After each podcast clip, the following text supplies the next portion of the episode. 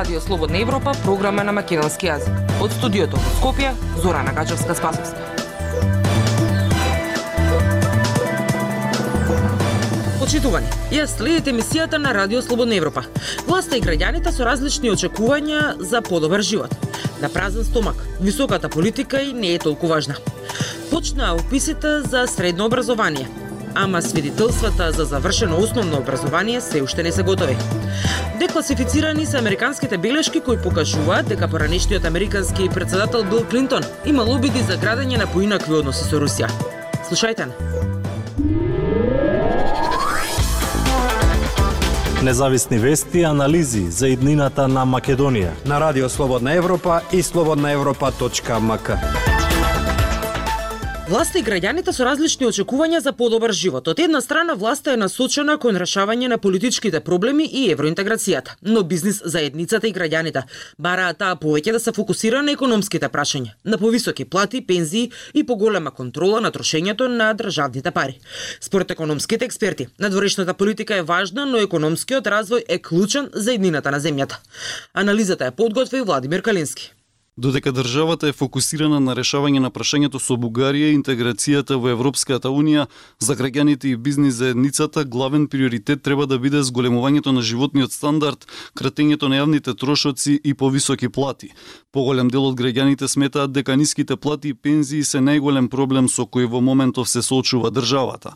Надворешните прашања се важни, но државата 30 години се обидува да ги реши и тоа и натаму трае, вели за Радио Слободна Европа Скопјанката Зорка Аврамовска. Избегава сите младите, останаме ние повозрасни. Вели Аврамовска, платите и пензиите се екзистенцијално прашање кое најмногу ги загрижува граѓаните, вели Драган Ѓорговски. Значи, екзистенцијалното прашање е платите и таа, таа ги загрижува граѓаните. Вели Ѓорговски, некои граѓани кои ги анкетиравме рекоа дека треба да се решаваат и двете прашања паралелно, но истражувањето на Националниот демократски институт, објавено на 6 јуни, покажува дека над 27% од граѓаните сметаат дека животниот стандард е главен проблем во државата државата, за разлика од помалку од 7% кои велат дека тоа е решавањето на прашањето со Бугарија и над 8% за кои приоритет е интеграцијата во ЕУ. Овие бројки не се изненадувачки ако се погледна дека политичарите, решавајки регионални проблеми, заборавија на домашната економија, коментира економскиот аналитичар Арбен Халили – Според него, за економијата да може да заживее, клучно е да бидат реализирани капиталните инвестиции. Така, вели тој, ќе има повеќе работни места за работниците и со тоа тие ќе имаат подобар животен стандард. За жал, во празен стомак не може да се прави голема политика. Добро е што граѓаните почнат да мислат за себе прво, за нивните семејства, за подобар животен стандард. Вели Халили, и бизнис заедницата бара државата повеќе да се залага за економска дипломатија наместо за политичка. Председателот на Стопанска Адвокатската комора на Македонија Бранко Азески на 8 јуни изјави дека политичката ситуација во државата многу што се одразува врз бизнисот, но тој апелираше и државата да штеди повеќе за да му помогне на бизнисот, особено преку спроведување на строга контрола на трошењето на буџетските пари. Кога станува збор за јавните трошоци, државата до крајот на годината ќе потроши дополнителни 15 милиони евра само за повисоките плати на функционерите кои неодамна пораснаа за 78%.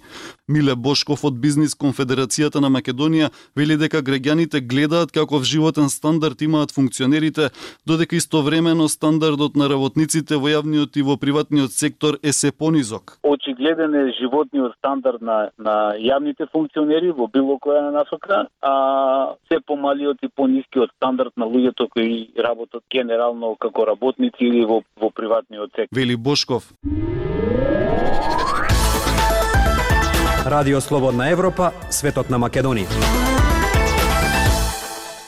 Конкурсот за средно образование е отворен, а училишната година за полуматурантите се уште не е завршена. Директорите на неколку основни училишта велат дека нема никаква најава кога ќе ги добијат свидетелствата за основците, додека од Министерството за образование пак велат дека свидетелствата се веќе набавени и се доставуваат до училиштата. Нивно доделување ќе биде во текот на неделава.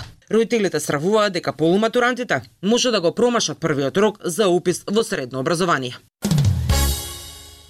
Учениците кои завршија основно образование годинава ќе се запишуваат во средно училиште по електронски пат. Ова е втора година поред како описите во средните училишта се одвиваат електронски, со цел одбегнување на влијанието од човечки фактор.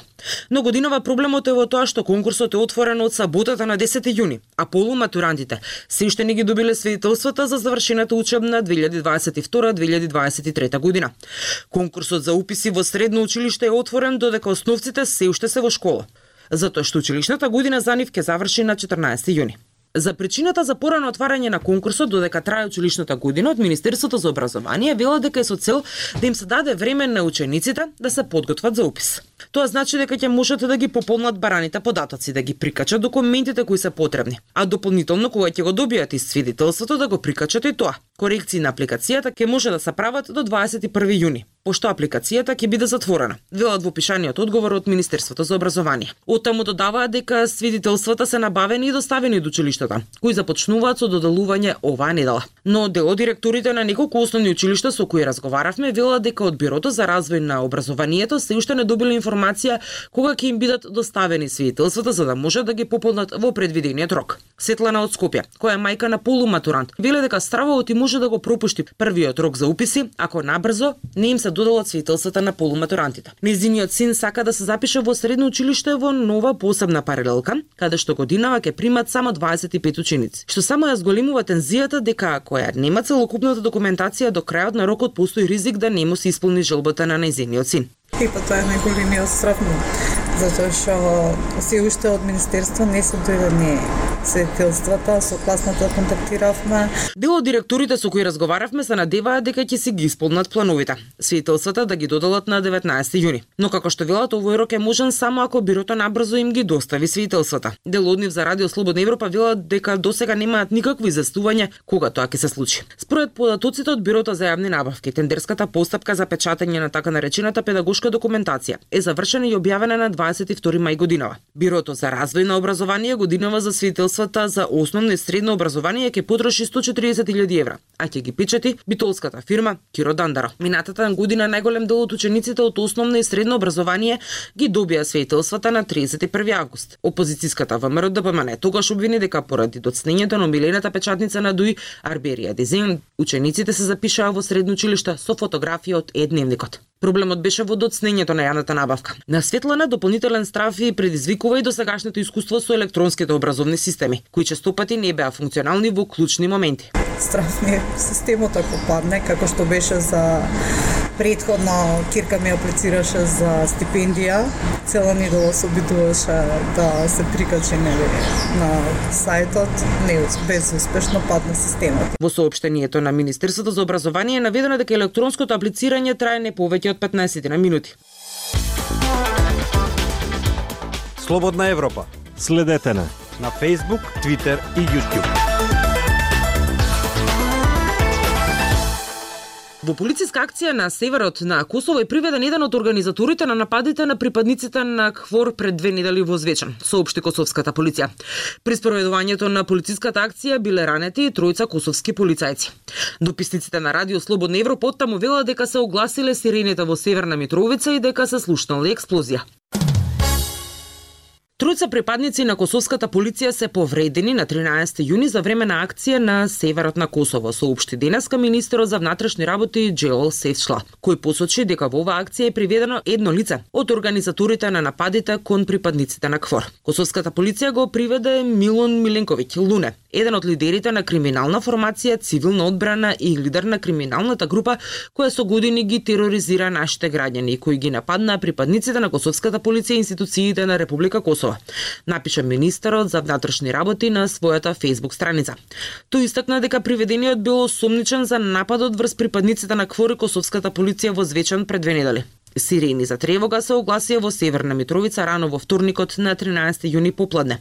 Откако се дозна дека во градот почнале да се собираат граѓани од српска националност. Новинарите на Радио Слободна Европа јавуваат дека се слушнала и експлозија, но од косовската полиција се уште не се изјасниле околу овие случувања. Сирените во Северна Митровица обично се огласуваат кога од локалните жители се бара да организираат настан. Секогаш кога ќе се огласат сирените на северот на Косово, што се случи во неколку пати во изминативе години, организирани групи на луѓе излегуваат на улица, затвараат продавници, аптеки, деловни простории и организираат барикади. Во последниве две недели односите меѓу Косово и Србија повторно се затегнати, бидејќи во четири северни општини има протести на група локални срби кои се противат на влезот во општинските објекти на новите градоначалници на Северна Митровица. Тензиите кулминира на 29 мај кога маскирани групи етнички срби се судрија со полициските сили, при што ранети беа 30 полицајци на Квор во Звечан, од кои тројца со огнено оружје.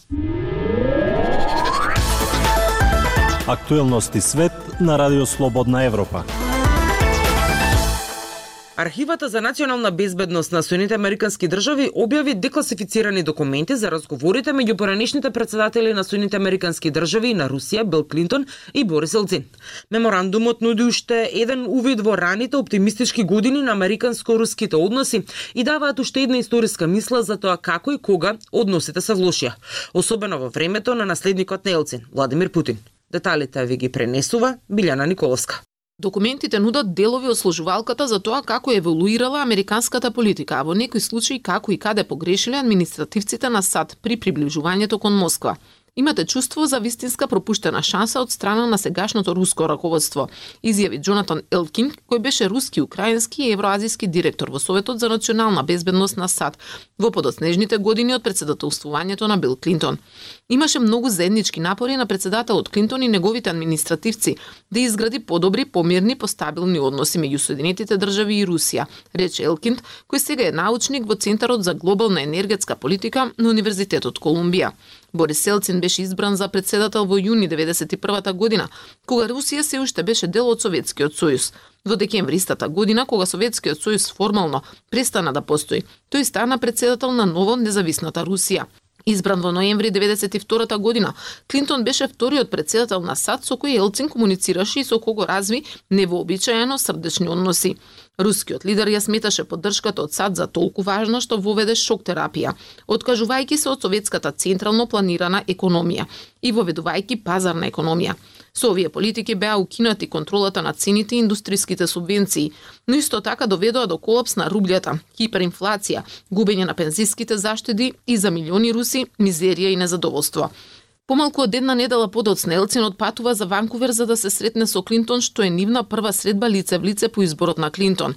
Пред средбата, американскиот државен секретар Ворен Кристофер напиша меморандум подготвувајќи го Клинтон за средбата. Според декласифицираниот меморандум, тој го предупредил Клинтон дека најтешкиот и најважен надворешно политички проблем на вашето председателство е тековната трансформација на Русија и незините импликации врз националната безбедност на Соединетите држави. На нивниот прв состанок во Ванкувер на работната вечера на 3 април 1993 година беа прикажани срдечните односи меѓу двајцата председатели.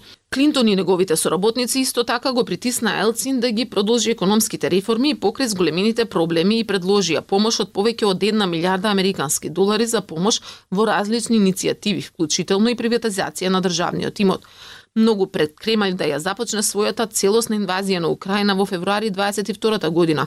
Односите со Западот тргнаа надоле шпионските скандали, мешањето во изборите, руското заземање на украинскиот полуостров Крим и западните санкции ги труеја врските со години. Путин, кој го наследи Елцин во 2000 година, председаваше во период на економска стабилизација и појава на средна класа. Бум, поттикнат во голем дел од рускиот извоз на нафта и газ – но како што се одвиваа неговите години на власт, политиките на Путин стануваа се поавторитарни. Путин ја оправда инвазијата во Украина делумно како одговор на проширувањето на НАТО, кој почна да ги прима поранешните членки на Варшавскиот пакт и поранешните советски републики во 99 година, последната година од председателствувањето на Елцин. Кога Путин беше поставен за председател, моето чувство беше дека се повлече тој период на динамика и можност за многу поинаква Русија, изјави Елкин за РСЕ. Доаѓањето на Путин не инспирираше оптимизам или доверба дека Русија ќе продолжи да се ангажира во надворешниот свет понатаму додаде тој. Моето чувство е дека господин Путин има корист од тоа што може да има надворешен непријател кој треба да го обвини, а тоа игра еднакво голема или поголема улога од кој било друг фактор таму, рече Елкинд. Тоа беше се што ви подготвивме за оваа емисија.